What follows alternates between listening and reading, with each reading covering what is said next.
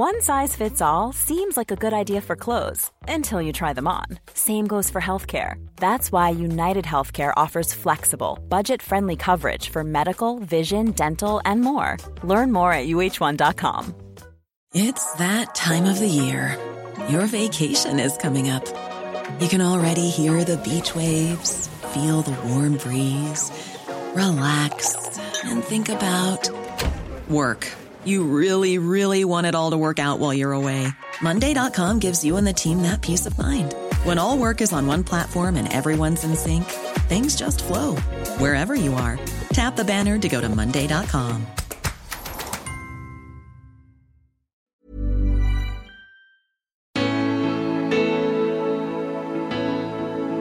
Välkommen till det sjätte och sista avsnittet för 2018. Starten för spännande möten har varit fantastisk. Sedan den 22 november så har podden haft närmare 1000 lyssningar. Tack för att du har hängt med och ett särskilt tack för alla hejarop och all feedback. Men det här är bara början. 2019 kommer att bli fullmatad med spännande möten. Eller vad sägs om hälsoinspiratören Jonas Kolting, funktionsmedicinaren Peter Martin, Lotta Sävström, direktor på Göteborgs Stadsmission, Häckstjärnan och OS-löparen Robert Kronberg, AI-experten Amer Mohammed och världens genom tiderna bästa handbollsspelare Magnus Wislander. Bara för att nämna några. Så fortsätt lyssna, 2019 kommer att bli fantastiskt!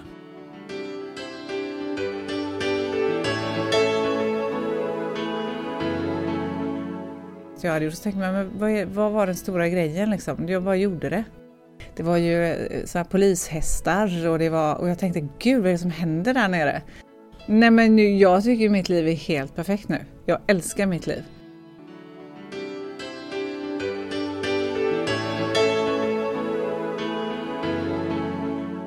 Som 34-årig advokat blev hon ordförande i Sveriges näst rikaste fotbollsklubb. Och två år senare tog hon över VD-posten i Göteborg och Company. Sabine Söndergård åkte i vänsterfilen på livets motorväg innan det tog tvärstopp i form av akut leukemi. Nu är hon sedan en tid tillbaka som VD för advokatbyrån Glimstedt i Göteborg.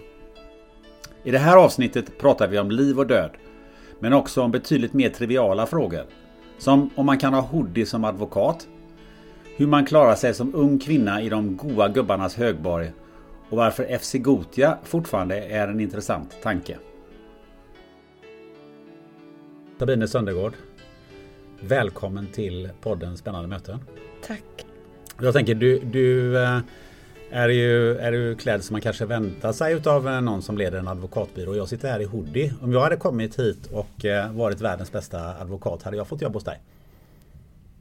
Ja, det kanske du hade fått. Du hade fått gräva lite djupare kanske för att, för att förstå det, för att bena ut mina egna fördomar om du hade haft på dig en hoodie när du kom på en anställningsintervju. Men är det jag hade nog tyckt att det var lite speciellt. Är det viktigt med klädsel i, i ert yrke?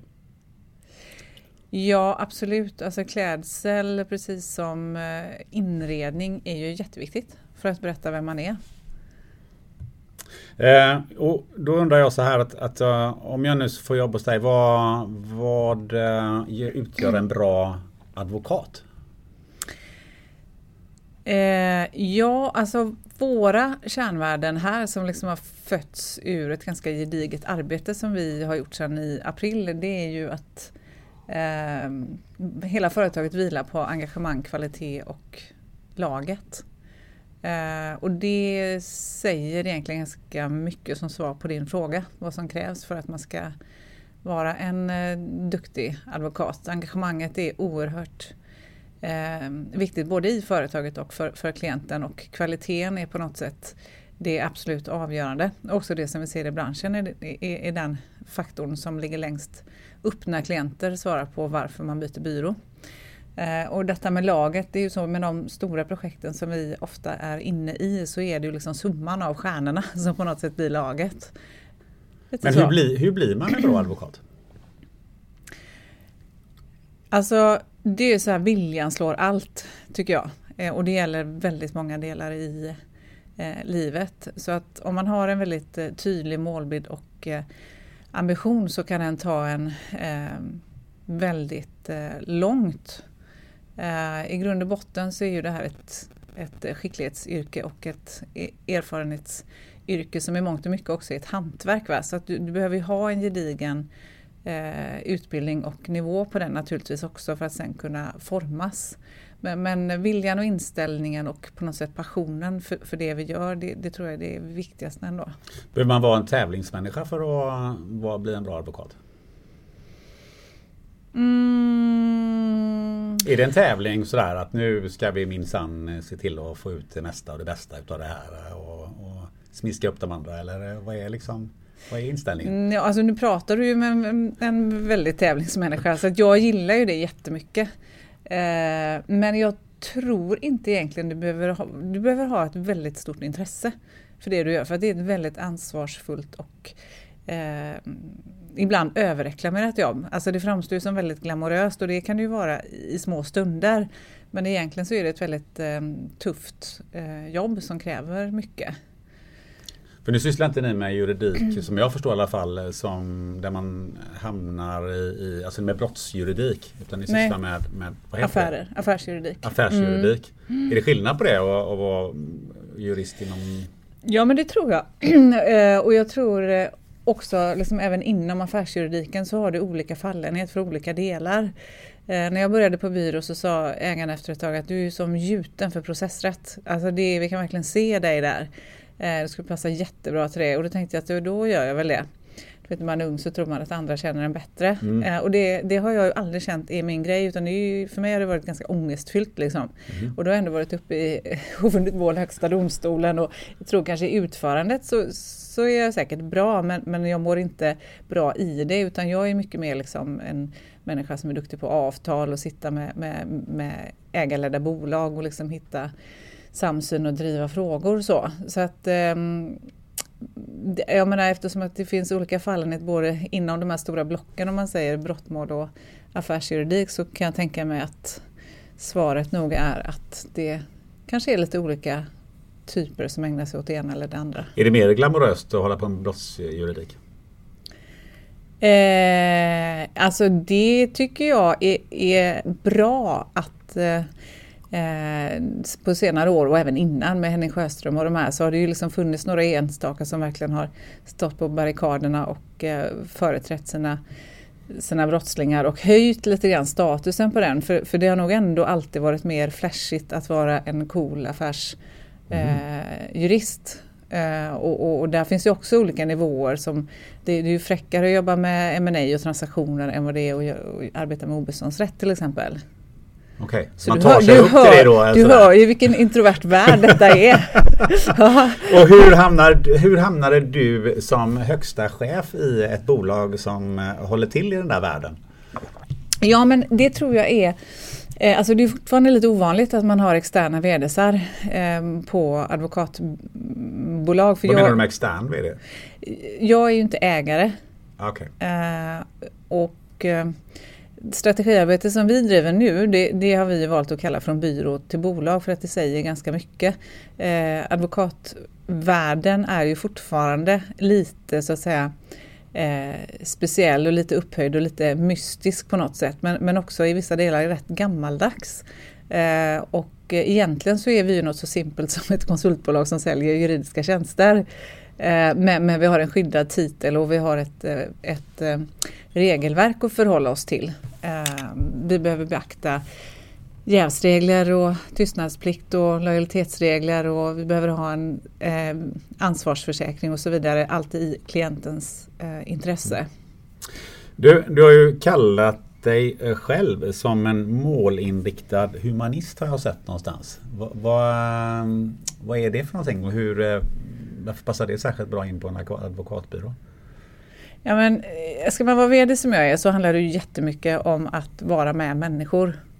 Eh, alltså att, att driva utveckling handlar ju jättemycket om att kunna kommunicera förändringar och varför man gör det och också ett intresse för det. Jag tror det är jättesvårt att utöva ett gott ledarskap om man inte tycker egentligen att den mest spännande delen av jobbet är att få andra att växa och, och, och få andra att se möjligheterna. Mm så, som svar på att vara humanist så tror jag det, det, det är en viktig del mm. i, i det hela och också liksom i våran bransch som eh, har varit väldigt eh, hierarkisk och väldigt eh, tuff. Alltså det är nog ganska höga sjukskrivningstal skulle jag tro i, eh, i, i våran bransch. Så behöver man förstå att i, i det moderna Eh, bolaget så måste det finnas alternativa karriärvägar och vi måste ha en förståelse för att alla tar sig till sina egna mål på lite olika sätt. Sen behöver bolagets mål eh, vara mycket mer tydligt och kommunicerbart än vad det har varit innan. Det är många som jobbar på byråer och inte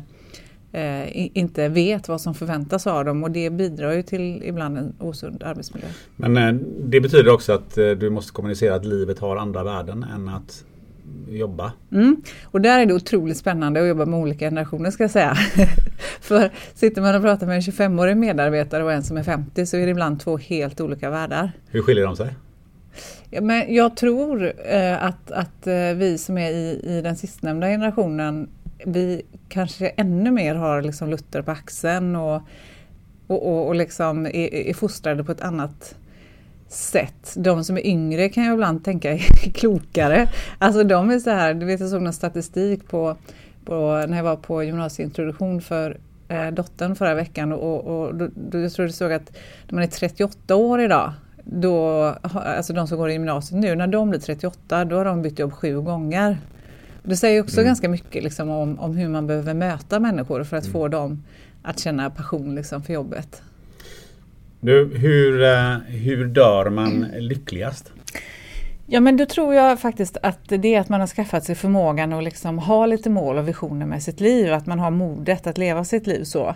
Eh, och att man har strävat efter det. Man kanske inte alltid har lyckats men att man har, liksom, man har levt sitt liv. Om du förstår vad jag menar. Mm. Man, hänger inte bara på, man hänger inte med och när det händer jobbiga saker så tar man sig ur dem och man går vidare. Liksom ritar om sin karta hela tiden. Och det var lite det du gjorde 2012 den där våren. Eh, kan du berätta lite vad det var som hände då? Precis, då, då fick jag leukemi. Då fick jag en form som heter akut myeloisk leukemi. Och eh, när jag fick höra det så tänkte jag att jag fick sån här flashback från eh, Hiroshima. För, för då vet jag, då hade jag läst liksom att eh, när det var atombomber där så eh, var det en sjukdom som drabbade väldigt många på grund av den här höga strålningen då. Eh, så jag, hade inte heller liksom tanken på att en form av cancer. Det var, okay. eh, nej, så det, det, det, var så långt ifrån för jag var så oerhört frisk och stark och var mitt inne i eh, i jobbet här på Göteborg och Company och så. Så att jag har känt att jag hade lite svårt att syresätta mig kan jag säga när jag, när jag tränade liksom månaderna innan och jag tänkte väl att det kanske mer hade med åldern att göra för jag skulle fylla 39 då. Det var jättegammalt, eller hur? Ja. Man har ju svårt att syresätta sig. Det är så här det är att bli 40. Oj då. ja. Nej, men så då hamnade jag väldigt akut. Jag fick helt enkelt svårt att andas eh, hemma när jag satt och ritade med Alice. Och tyvärr var min man inte hemma då utan då fick ju barnen ta del av detta när brandkåren kommer och stövlar in och eh, jag fick ringa 112 då för att liksom... Och då kom brandkåren? verkligen, ja, för de var närmast. Aha. För det tog lite tid för den där snubben i telefonen att förstå att det här var allvar liksom. Men, eh, och sen började, ju då, fick, började jag få medicinering redan dagen efter. Eh, detta var då första maj tror jag och sen fick jag stamceller av min bror 10 juli. Eh, och sen fick man liksom vänta lite för att eh, det är en form, om du inte fått återfall på två år så är du eh, botad eh, idag då. Så att det var lite speciellt. Men då fick jag ett avgångsvederlag samtidigt så att jag hade liksom tid hemma eh, att reflektera över saker och ting. Men du, hur, när man är där i en sån situation, är det liksom en, eh, är det en tävling med döden eller är det en, är det en kamp eller är det hur, eh, hur tänkte du i det läget? Ja, hur tänkte jag? Alltså jag vet att jag Alltså när jag förstod att det var väldigt allvarligt när hon sa till min syster, det var det här ögonblicket liksom jag fattade att det var allvarligt när min ena syster sa att jag åker till Kina en vecka men jag kommer tillbaka. Och då tittade hon på henne och så sa hon att det tycker inte jag att du ska göra. Då förstod jag att jag var jättesjuk och att det var liksom verkligen en akut form. Ehm, och då minns jag sen när jag var själv där eh, på sjukhusrummet att jag kom på där att alla ska dö. Du vet den här, man, när man känner sig väldigt ensam och väldigt, väldigt utsatt så, så söker man ju så omedvetet en samhörighet och eh, ett sätt att hantera det. För jag tror liksom ensamheten är en av de värsta sakerna som händer en om man blir sjuk. Mm.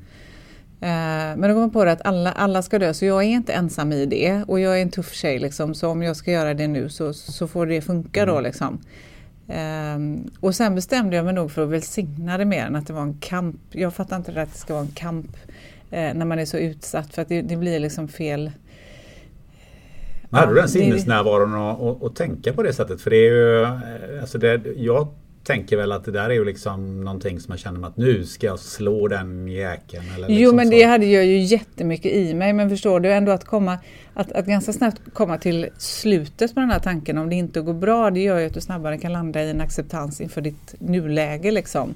Och, och då blir man ju ganska stark i eh, att kämpa sen liksom. För jag, det, jag tror att det är värre om du aldrig ens tänkt, du håller borta den här verkligheten som ändå ligger där som mm. du intellektuellt förstår. Du hör ju vad de säger liksom. Mm.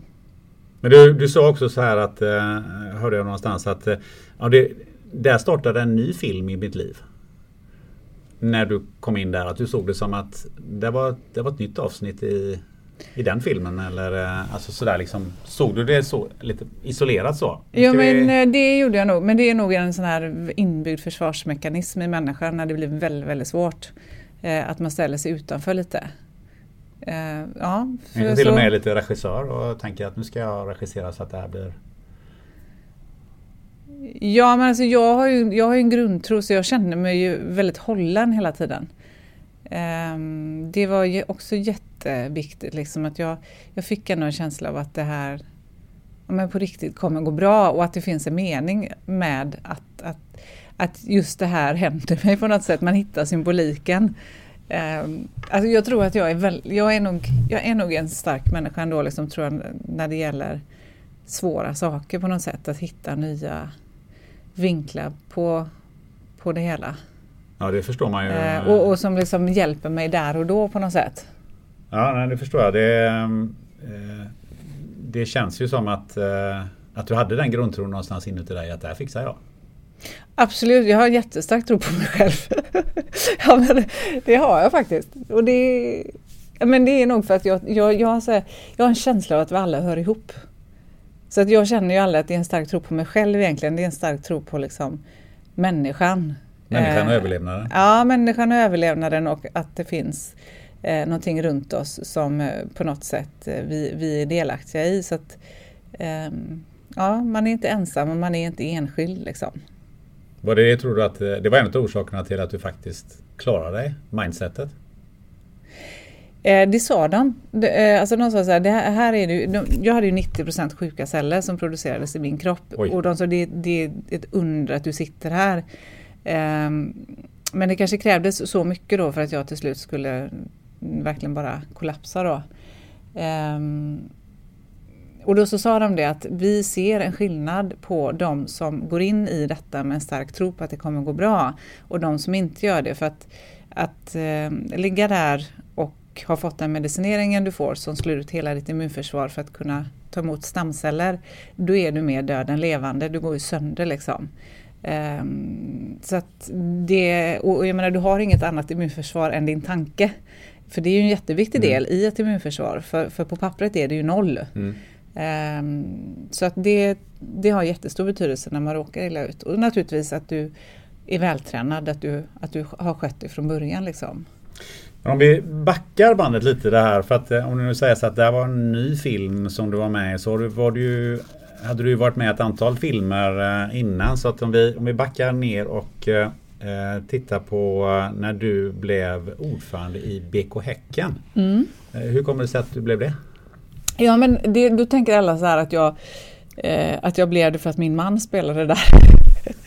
och det, det jag hade på ett sätt så kanske det var ingången till det hela men då jobbade jag på en advokatbyrå som eh, där, där vi hade satt upp liksom den första agentverksamheten, eh, jag och Karl Fager som nu fortfarande håller på med det. Mm, eh, och vi jobbade mycket med idrottsjuridik eh, och när BK Häcken då sålde spelare, till exempel Kim Källström, eh, det skrev vi avtalet till Djurgården och sen så var det eh, ja, Tobias Hysén. Alltså det var lite sådär, då eh, anlitade ju klubben mig eh, och sen så blev ju det ganska naturligt att det är bra att ha en advokat i styrelsen.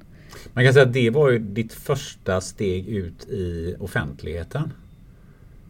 Ja, Just om jag inte är helt felunderrättad. För innan ja. dess så, alltså här steg du ju fram och hamnade i, i ett annat rampljus än då vad det varit innan. Ja, hur, precis. Hur, hur kändes det? Kände du någon skillnad där? Eller? Alltså det där har alltid varit en väldigt svår del i, alltså det, det har blivit så här när jag har gjort grejer så har det oftast eh, ja, men det blivit uppmärksammat och det har varit för att det, det har varit eh, i manliga miljöer. Alltså det har ju varit en anledning att, att media har tyckt att det har varit roligt. Men du var ju rätt ung då också. Och så har jag varit ung då när jag gjort de här sakerna, precis. Eh, men jag är ju egentligen en ganska introvert person. Eh, och därför har jag, nu gillar jag ju det för att nu är jag så erfaren så det är ju en del av mig med, med alla intervjuer man har gjort och så. Men, men, från början så, jag har ju aldrig känt mig bekväm med det. Och från början ogillade jag jättemycket att stå och prata inför folk. Nu, nu förbereder jag det sällan utan jag bara gör det. Um, så den delen eh, från början var ju inte, det var inte den jag strävade efter. Jag har inte gillat att stå i centrum på det sättet.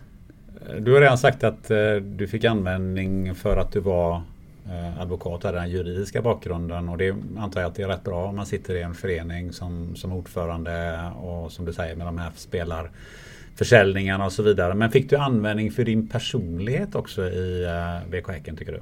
Mm, absolut, jag tror att jag är en ganska bra lagkapten. Eh, alltså det är nog det som är min styrka på olika sätt oavsett uppdrag. Att, att eh, se kompetensen och förmågorna runt mig eh, och kunna liksom styra ihop det till ett bra lag mot ett tydligt mål. Och det var ju precis det vi gjorde väldigt framgångsrikt under, under de åren i BK Häcken. Vad byggde du för någonting eh, i BK Häcken? Och, för det blev ju en del framgångar under de två åren som du var där. Mm, absolut, jag var där i tio år. Men, men jag var ordförande i tre. Förlåt, du var ja, ordförande ja, i tre år. Precis. du var ordförande i tre så, år. Så de första sju åren var jag vice ordförande. Ja. Eh, och det är en jätteskillnad. I, alltså I en fotbollsklubb i idrottsvärlden så är, är, det, så är det ordförande man ska vara. Det, det är då man kan få saker att hända.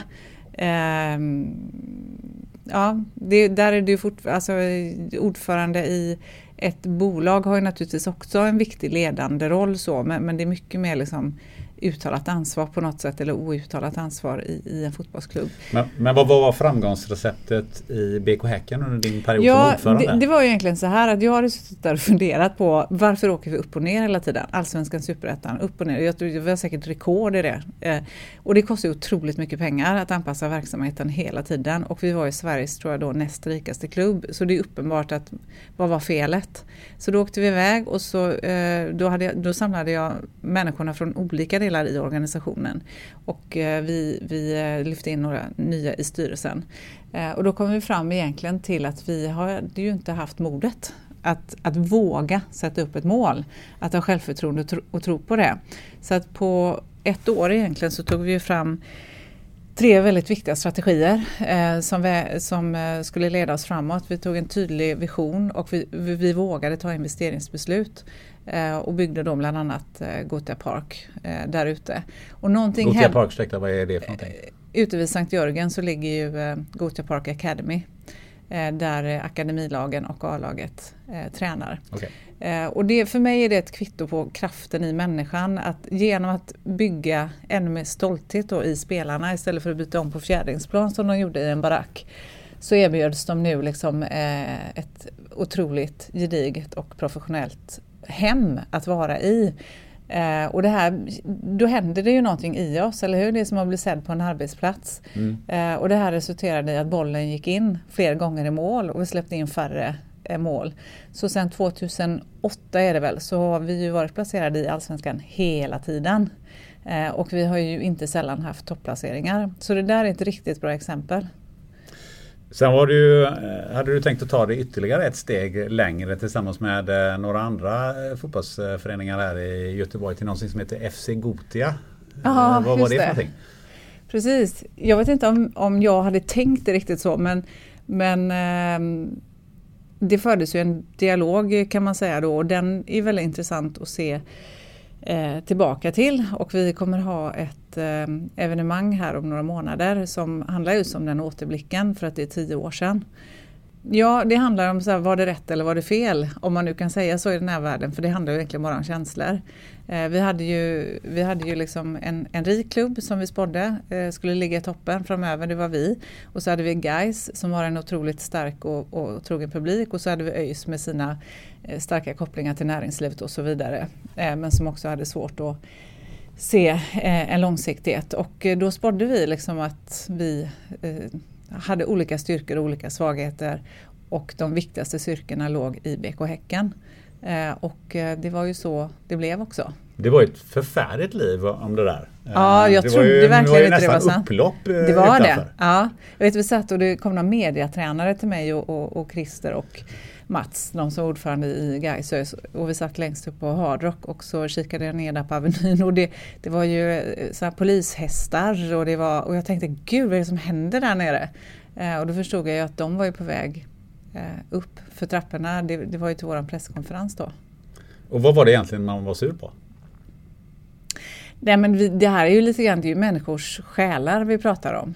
Eh, alltså det är, ju, det är ju mångas liv. Jag älskar ju också sporten. Det är ju en jättestor fråga och det är klart att då få uppfattningen, vilket var felaktigt, att vi satt instängda i något rum och skissade på affärsplaner ihop och att vi skulle eh, liksom köra över de som verkligen bestämmer, det vill säga medlemmarna. Det, det kan jag förstå och ha respekt för. Sen så lämnade du ju BK eh, Häcken efter de här eh, tre framgångsrika åren mm. och eh, hamnade i toppen på vad ska man säga? De, en ung kvinna i de goda gubbarnas högborg. Mm. Göteborg Company. Mm. Hur fick du det jobbet? Eh, ja, då hade jag ju varit eh, sekreterare i den väldigt stora styrelsen som advokat då. Eh, det är inte sällan att man anlitades i kommunala bolag. Det här var ett privat publikt bolag då men, men ändå. Och då skulle ju VD där, som hade varit VD i många, många år, sluta. En del i, i den här starka makteliten som, som var i Göteborg. Och då var det väl någon som hade börjat fundera kring det här och tänkte att jag kunde vara ett bra namn. Så att eh, Göran Johansson ringde en dag och tyckte att, att jag skulle komma dit och vara en sån kandidat. Då. Var det så att säga en naturlig följd på att du, hade, att du var ordförande i eh, BK Häcken och på det, på det sättet blev exponerad? Men det tror jag absolut, för det var inte bara att jag var en vanlig advokat då, utan att det, var, det var ju att jag brann ju för eh, idrotten som är en viktig del i, i, eh, i benet evenemang inom Göteborg Company och BK Häcken har ju också världens största fotbollsturnering i eh, Gothia Cup som, var, som är någonting som försörjer den här staden oerhört mycket hela tiden varje år. Du, man sa här om goda gubbarnas högborg. Um, hur, när slutar man ställa den där frågan, hur är det att vara kvinna bland de här gubbarna? För det är en ganska vanlig fråga som ställs i alla de här sammanhangen. När tror du man slutar ställa de frågorna? Eh, ja, alltså det är ju inte så att jämställdheten går framåt med stormsteg direkt så att du får nog ställa dem ett bra tag till tror jag. Jag har slutat tänka på det. Jag har nog egentligen alltid tänkt ganska eh, lite på det och eh, ja, det är kanske är därför man har klarat av det också. För egentligen är det ju rätt sjukt att man sitter själv inte sällan och så är det tio män vid bordet. Du, jag tycker att det är ganska kul för du har sagt till dem så här någon gång, vid en, i någon intervju har jag läst att du sa ja. att er styrka är att ni inser, inte inser era svagheter. Om eh, ja, herrarna. Ja, men så ja, alltså killar är ju kaxigare än vad tjejer är. Tjej, vi, vi, reflekterar nog, nu generaliserar jag ju väldigt, men, men reflekterar mer och är mer självkritiska.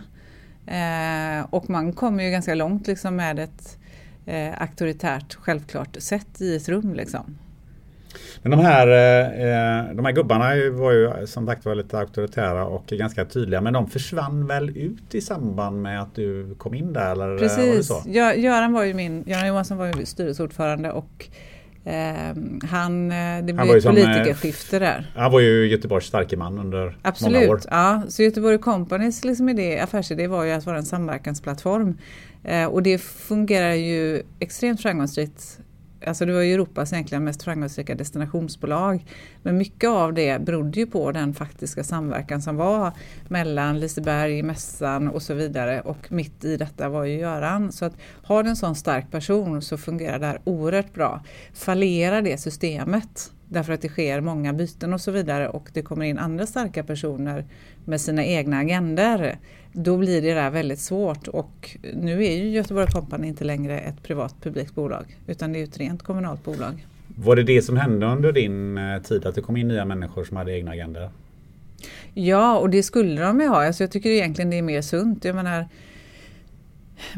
Karin Kindbom på mässan är jätteduktig. Hon hade ett jättetydligt direktiv hur hon skulle få liksom sin affär att växa och, Andreas på Liseberg är en fantastisk person. Och han hade liksom eh, sin vision med, med Liseberg och så vidare. Blir det inte en otydlighet eh, samtidigt från jo, det blir ju, Det blir ju ett väldigt svårt uppdrag för den som ska hålla samman en samverkansplattform.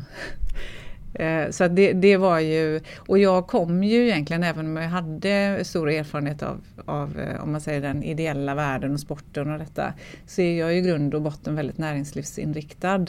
Eh, och det, det, blev ju liksom svårt och tokigt. Jag hade ju en, en en ordförande som var Socialdemokraternas högsta kvinna och kommunstyrelsens ordförande och sen hade jag ju liksom oppositionen som vice ordförande.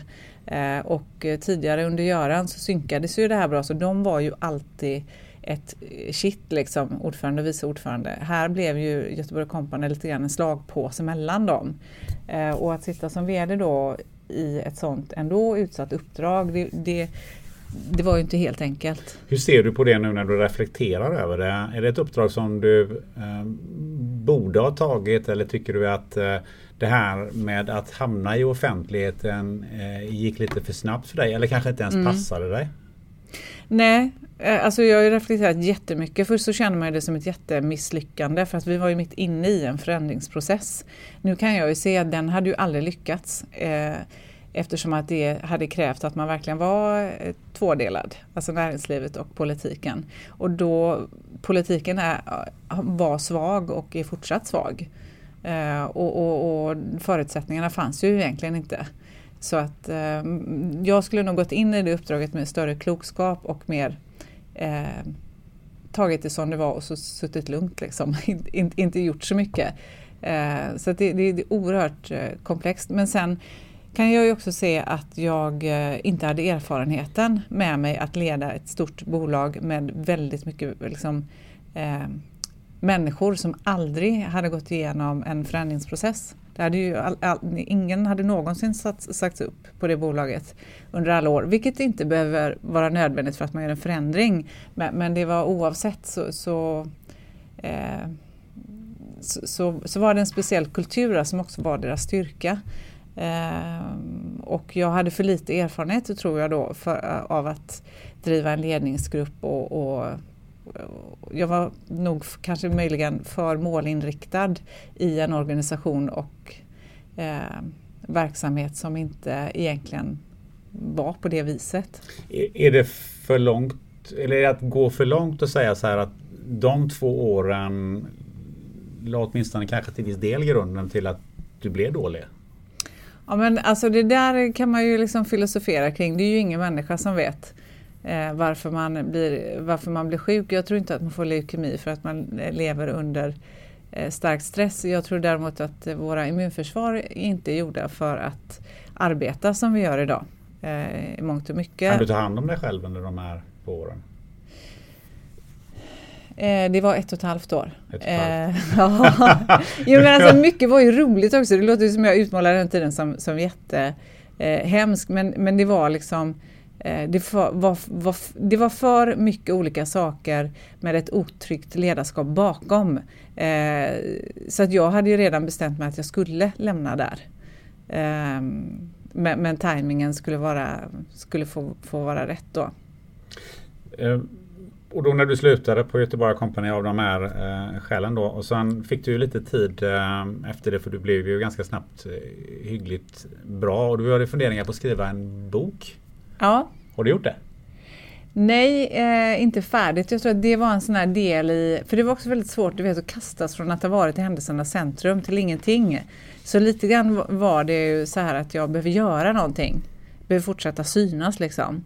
Eh, men eh, det blev ju aldrig någon eh, bok riktigt så. Det kanske man ska göra någon annan gång men där kanske den händelsen inte är centrum utan det är en del i en resa. Ja, det låter spännande. Eh, jag har ju googlat på Youtube och försökt hitta lite inslag med dig och det är ju inte jättemånga eh, grejer man hittar. Eh, men jag hittade en, en, intressant grej som jag tänkte faktiskt eh, kolla med dig lite. För exakt, mm. nästan exakt ett år före du blev dålig så läste du upp en dikt som avslutning på ditt vårtal utanför Handels i Göteborg. Eh, och det var en dikt av Edith Södergran som heter Min framtid. Eh, och den börjar så här. Ett nyckfullt ögonblick stal mig min framtid, den tillfälligt hoptimrade. Men jag ska bygga upp den mycket skönare så som jag tänkt den från början. Vad mm. tänker du när du hör de eh, orden? Nej, men alltså jag tänker att jag nästan får rysningar för det där var ju vårtalet jag höll i Trädgårdsföreningen mm. eh, på, ja, på Valborg, valborgstalet, Göteborgs valborgstal. Eh, och som du säger så är ju det där det är ju ett år, precis ett år innan mm. som jag blev sjuk. Eh, ja, och jag, alltså jag tror ju verkligen på det här med tecken och alltså att, att saker och ting hänger ihop. Eh, men jag tänker så här att det, det, saker och ting kan ju hänga ihop eller inte kan hänga ihop. Men jag tänker på de två sista raderna. Men jag ska bygga upp den mycket skönare så som jag tänkt den från början. Ja, just det, precis. Eh, känner du, att, känner du igen det? Att du tänker att nu har du den skönare framtiden som du kanske hade tänkt från början? Eller är det du tar dra det för långt? Nej men nu, jag tycker mitt liv är helt perfekt nu. Jag älskar mitt liv. Eh, I alla delar liksom. Um, men jag styr det också precis så som, som jag vill. Så jag, jag vet inte om jag har haft en, en, en tanke från början egentligen utan det är väl egentligen den här balansen i eh, livet som man kanske behöver gå på lite törnar för att hamna i och för att stå upp för, för sig själv. Liksom, att det är så här jag vill ha det. För man ska ju aldrig förneka den delen av sig själv som är, jag, liksom, jag åstadkommer ju ofta väldigt bra saker när, när, jag, när jag får förtroendet att göra dem. Eh, och, och, det var många som sa det till mig när jag blev sjuk, så här, men ångrar du att du har, har gjort så mycket saker och du har lagt tid på det och så. Och då kände jag att det är verkligen att, eh, en del som jag är stolt och glad över, att jag har, känner att jag hade levt mitt liv i den delen. Eh, om det skulle hända med någonting. Och jag också, och det tror jag alla runt omkring mig skulle intyga, varit en otroligt engagerad mamma och eh, familjeperson. Sen har det ju varit saker däremellan då som, som jag inte hunnit med, som jag hinner med nu, att gå på konserter och göra andra saker. Men så att, så att jag kände att jag har levt fullt ut i, i, i bägge de delarna men eh, det hänger ju också upp med, liksom, har du små barn så blir det, liksom, det, det blir aldrig tillräckligt bra för egentligen kanske man skulle vilja vara mycket, mycket mer där hemma. Men, men, nu när barnen är större och man också kan se tillbaka och ha ett kvitto på att, att allting har gått bra eh, så blir det mycket mer balans även om du egentligen eh, lägger samma tid på bägge de här benen. För att du får också in de här andra influenserna i livet som jag tror är viktigt för oss. För just det här med engagemang är ju någonting som du verkligen har och, och där fick du också möjlighet att, att eh, ha ett ännu större socialt engagemang under den perioden eh, som du hade efter det, att, du, att du blev sjuk och att du, att du rehabiliterade dig och var, var ledig inom citationstecken. För du, du har ju under den här perioden och även innan och efter gjort rätt mycket. Kan du berätta lite grann om dina, alla dina sociala engagemang? Allt från fotboll till you name it. Uh, ja, vad har jag gjort? Du, du verkar så påläst och du kanske vet mer. Ja, men du är ju med i Räddningsmissionen. Ja. Eh, du är engagerad i ett, ett, ett, skolprojekt där som du får gärna mm. få prata mer om. Du är engagerad i fotbollen i, i, i Lerum. Du har säkert en del engagemang åtminstone mentalt i Häcken. Du, eh, du har eh, flyktingbarn som bor eller har bott hemma hos dig mm, och sådär. Det, det, det, är ju oerhört eh, mm, mycket. Mm. Och spännande. Ja. Men det är en oerhörd drivkraft och det är så berikande liksom. Och ja, ibland när man, när man gör saker så, så säger jag åh det där önskar jag att jag hade gjort. Så tänker man, men vad, är, vad var den stora grejen liksom? Jag bara gjorde det. Eh, och, och, det här med att ha, ha, öppna upp sitt hem, det är väldigt speciellt. Det, det, ska man reflektera över. Liksom. Men det är ett väldigt direkt sätt att, att hjälpa någon som, som behöver. Eh, de andra engagemangen, om man säger räddningsmissionen, det, eh, ja, det, är, det är fantastiskt berikande att komma i kontakt med de delarna i just i det här fallet då i, i våran stad som, som är så nära oss. Som om du inte öppnar upp och liksom tar steget själv in i det så ser du inte det. Du känner inte till hemlösheten. Du, du känner inte till eh, hur det är att ha barn som, äh, ha föräldrar som sitter i, i fängelse, bägge två kanske. Eh, och, och, och, och, du är barnet mitt i centrum. Eh, alltså det finns så mycket i, i livet som, eh, som man behöver eh, som man mår bra av att på något sätt kunna bidra i. För många av de här sakerna är ju väldigt aktuella med den här serien som går på tv nu eh, med den här fotografen som har varit uteliggare under en period och gjort en, en, en serie om det. Eh, jag tänker på de här flyktingbarnen och eh, diskussioner som pågår inte bara i Lerum utan på många andra ställen. Att de behöver någonstans att bo när de går i gymnasiet och sådär. Och, och, vi har ju själva funderat lite på, borde inte vi öppna vårat hem mm. till någon? Men du sa så här, det behöver man tänka på väldigt noga. Vad, vad är det, hur har dina tankar och era tankar gått kring det? Alltså det blir väldigt svårt att prata om det eftersom att vi, vi, alltså, vi har ju vårat den pojken som bodde hos oss i två och ett halvt år, hans pappa kom ju hit, eller rättare sagt jag åkte ner och fick hämta honom i Istanbul för att han, han fastnade helt enkelt där eh, på sin väg från eh, Etiopien Etiopien kommer han då. Eh, men, jag tänker men, på vilka, vilket det, resonemang ja, hade ni innan om det här? För det måste ni ändå resonerat i familjen kring. Ja, Hur gör man? Vad tänker man? Ja, vilka tankar går? Eh, jag tror att man styrs ju väldigt lätt av, av den här kärleken som man har liksom till, till människor och, och till behovet vi alla har på något sätt att hjälpa. Eh, men men eh, jag, alltså det, det, är ju svåra bakgrunder som de här barnen har och det, det ruckar ju en dynamik som man har i en familj som är väldigt osynlig för en när man är inne i den. Så att det är ett stort beslut menar jag att, att, eh, att eh, ta, ta in någon annan och jag är oerhört tacksam för att vi gjorde det och för att allting har gått bra. Men det är ingen enkel sak. Fick ni någon hjälp, något stöd uh, utifrån uh, någon, någon, annan som stod bakom och coachade er eller fanns det någonting Ja, men sånt? det tillhandahölls ju men, men det är ändå liksom svårt för det, det är i känslan och i vardagen som, som utmaningarna upp, uh, uppkommer och det, det, är svårt att liksom ha en verktygslåda för det. Utan ja, det är lite komplext. Hur, vad sa barnen eh, kring det här? För det, är ju ändå, det var ju liksom en ungdom till som flyttar in. Ja, men de, de var ju väldigt drivande i detta och det var ju helt enkelt för att eh, de kände ju redan från början, för det här var ju en annons i tidningen om en 12-årig pojke som tyckte om fotboll och som inte ja, hade ett hem då liksom. Eh, så att det, det var, de var ju väldigt drivande i att vi skulle göra det här och det är jag jättestolt över att, att man har eh, ja, men att man har barn som är uppvuxna med en sån känsla. Och då tänker jag att det kommer de ha med sig hela livet. Att, att det är naturligt att tänka hur kan vi hjälpa?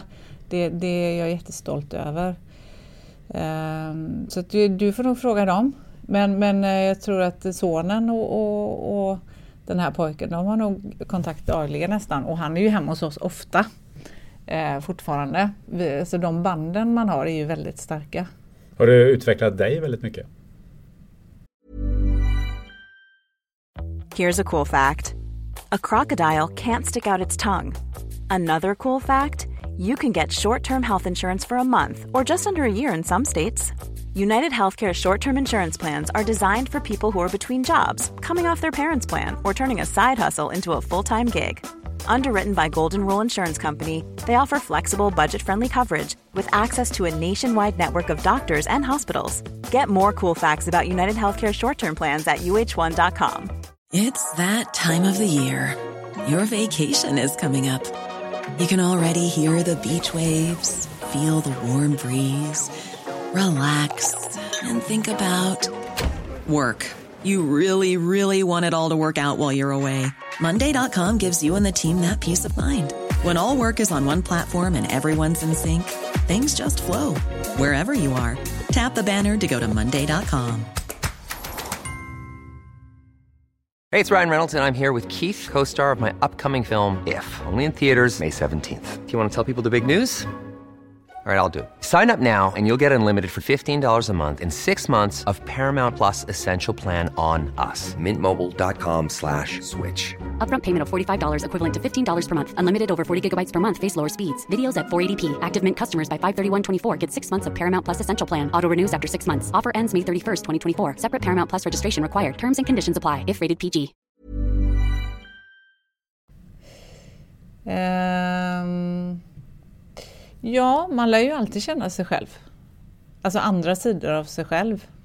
Eh, när, när, man går utanför sin komfortzon och det är det verkligen att göra det. Eh, när man släpper in ytterligare en, en kraft.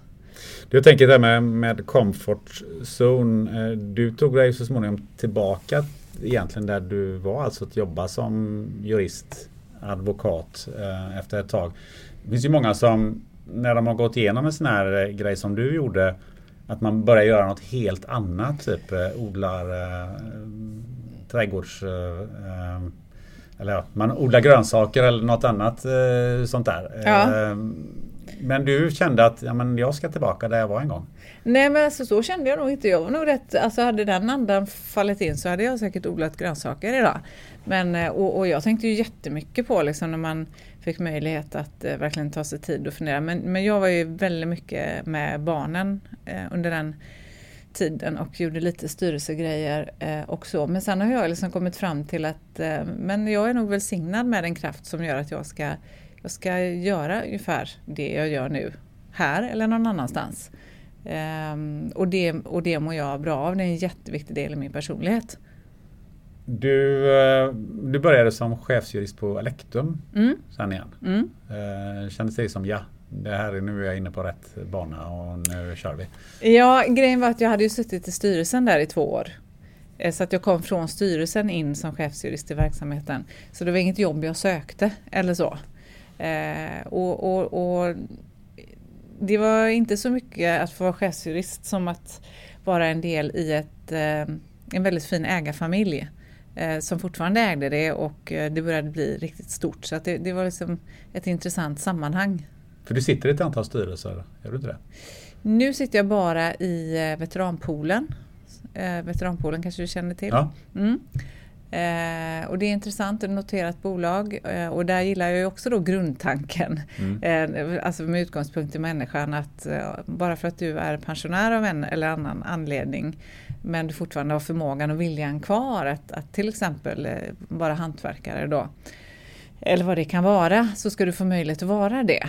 Eh, Så att jag, jag gillar att det finns en humanitär tanke där i bakgrunden som, som, eh, som jag tycker om med den verksamheten. Och sen så sitter jag i räddningsdivisionen. Men det är de upp, två uppdragen som jag har idag.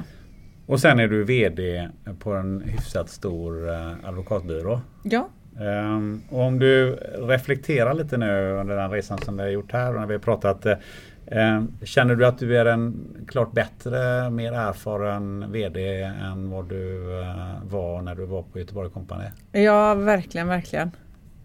Vad är den största skillnaden? Nej men det är nog att jag känner mig väldigt trygg i liksom mig själv. Ja, för så lätt är det ju inte alltid. Liksom att driva ett advokatbolag med tio ägare som är inne i verksamheten. det kan jag förstå. men, men, men det är en väldigt, väldigt positiv värdegrund här. Och så det märker jag också, det är sånt som, som är viktigt för mig och som jag känner av. Alltså innan jag tog det här jobbet så var det jätteviktigt för mig att känna det, vad är det för människor som är här? Vad vilar den här verksamheten på? Eh, och den känslan har ju bara förstärkts att här finns ett gott hjärta och här månar man om varandra. Nu är ju Glimstedt en del, eh, eftersom man är så stor, så är man ju naturligtvis en del utav Göteborgs eh, näringsliv. Eh, och du som har varit på, på Göteborg Company och sitter där du gör nu, du sitter ju, du sitter här i, i samma hus som Västsvenska Handelskammaren sitter. Eh, hur ser du på Göteborgs utveckling Eh, de senaste fem åren och, och de kommande fem åren? Ja, men jag är väl djupt oroad som många över segregationen och över hur det ska gå för våra ungdomar i skolan och eh, otydligheten som finns i politiken här men också på nationell nivå. Eh, sen så finns det väldigt mycket positiva saker som vårt 400-årsjubileum. Det är ju ganska kort tid eh, kvar. Eh, och eh, det ska bli väldigt spännande att se då om man har åstadkommit någonting av det som vi la fram för kommunstyrelsen 2012 i den här jubileumsboken. Det var, det var ett fantastiskt enande arbete i de här sju perspektivgrupperna där allting handlade då om att ta fram visionen för 2021. Um, och det behövs fler sådana projekt när man samlar akademi, näringsliv, politik och så vidare eh, och jobbar tvärvetenskapligt för att det föds eh, en väldigt stark och framåtriktad affärsutveckling när man jobbar på det sättet. Hur tycker du det ser ut på eh, sport och evenemangssidan? Eh, bland våra Göteborgsidrotten eller? Ja, jag tänker på att eh, man diskuterar eh, att riva Skandinavien och bygga ett stort eh, nytt evenemangscentrum där. Eh, kanske tillsammans med Valhallabadet och så vidare. Vi ja. ligger ju ganska mycket efter eh, både Stockholm och Malmö nu när det gäller de här bitarna. Hur, hur ser ja. du på den utvecklingen och vad tror du om Göteborg? Alltså det där pratade vi om 2010 jättemycket och då satt jag med i den projektgruppen och, och Eh, det har ju inte hänt någonting så att om vi var efter utvecklingen då så vet jag inte var vi befinner oss idag. Ehm, jag vet inte om det är rätt att eh, investera i, i dyra arenor. Det är klart att man måste ha en hygiennivå och det har vi väl på, på vissa håll inte men jag tänker nog fortfarande att Göteborgs storhet och möjlighet som mötes och evenemangsstad är ju eh, att, att vi har walking distance. Eh, alltså i, vi, vi, har nära till allting, shopping, restauranger, hotell och så vidare. Eh, och att vi ska istället satsa på att bevara ytorna i, i staden. Eh, jag, jag, tycker eh, Way Out West är ett jättebra exempel på ett fantastiskt evenemang som vi gör i staden i våra ytor. Så att mycket kan man liksom eh, klara av utan att ha stora arenor. Men du, eh, nu har du då varit i Häcken, du har varit i Göteborg och Company och nu är du VD för en advokatbyrå. Eh, är inte nästa jobb att bli VD för Västsvenska Handelskammaren? Ta Johans jobb nu. Ja Johan är, väl, är ju lite äldre än vad du är. Vi pratar om Johan Trover i sammanhanget. Som, han är ju lite äldre än vad du är så att ja. någon gång så tror jag han går i pension. Ja precis. Vet du, jag har ett otroligt spännande jobb här. Vi är Sveriges tionde största advokatbolag så jag tror att jag kommer ha att göra här ett tag. Det är så de brukar svara de här fotbollsstjärnorna när man diskuterar, frågar dem om de ska gå till en annan klubb. Precis, det gör vi advokatstjärnor också. jag märker en viss, viss likhet där. Eh, Sabine, vi börjar närma oss slutet eh, på det här eh, lilla samtalet. Eh, hur tycker du det har varit? Samtalet? Ja. ja det är jättetrevligt. Jättetrevligt. Ja men det är ju alltid kul att prata lite om ja. livet. Och du har inte varit med så många poddar så det här är din debut vad jag har förstått. Precis. Om vi säger så här då att eh, du ska byta plats med mig och så ska ja. du intervjua någon. Vem, ja. skulle det, vem tycker du skulle, det skulle vara? Oh. Nu eller? Ja, eller nästa år eller är någon som du skulle gärna skulle vilja intervjua och eh, prata lite mer med? Alltså det blir ett jättetöntigt svar men jag skulle tycka det var väldigt spännande att eh, intervjua mina barn om tio år och få ett ärligt samtal. Eh, om, för alltså ibland kan jag tänka det vad vi formar de viktigaste människorna i våra liv omedvetet. Eh, det skulle vara jätteroligt att få ställa frågor och få, få lite så här ärliga svar om man har varit bra eller inte. Och så. Det där är inget töntigt eh, svar tycker jag för att eh, eh, en kille som jag har varit med i den här eh, podden eh, före dig som heter Donny Ligonis. När jag frågade honom vem han ville intervjua så ville han intervjua sina föräldrar. Jaha, vad ville han fråga då? Ja, han ville fråga allt från eh, hur det kom sig att de hamnade i Sverige till hur de tänkte till hur de ah, jobbade och så vidare. Mm. Så att, eh, jag tycker att det perspektivet tycker jag är, är, är, kändes väldigt intressant. Ja, och det, det var så med sista grejen, efter jag var sjuk så föddes ett behov av att eh, se tillbaka i några generationer. Det blev jättestarkt för mig. Så att jag började liksom släkt, släktforska lite och hittade gamla böcker. Och, så att vi, vi liksom, det där med släktband, det är starkt. Mm. Sabine Söndergård, underbart att du var med här och underbart att få prata med dig en timme här. Tack så mycket.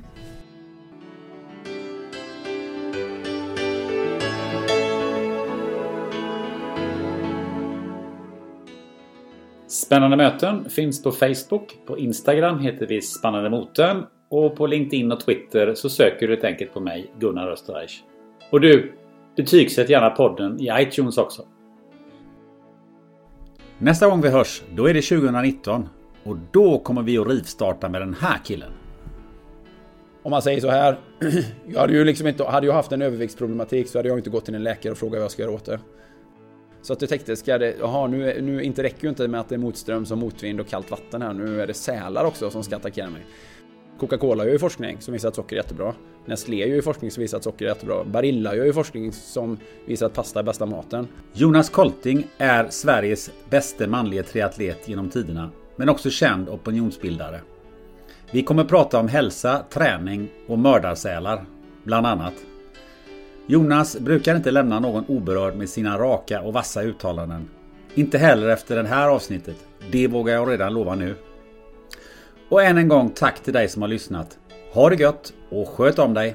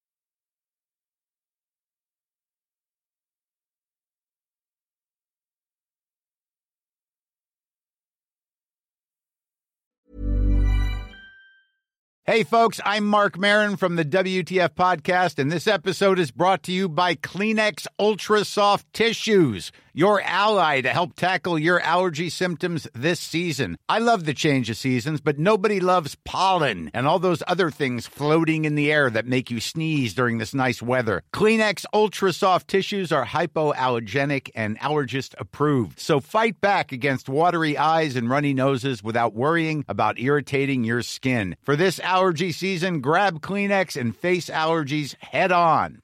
Planning for your next trip? Elevate your travel style with Quince. Quince has all the jet setting essentials you'll want for your next getaway, like European linen, premium luggage options, buttery soft Italian leather bags, and so much more.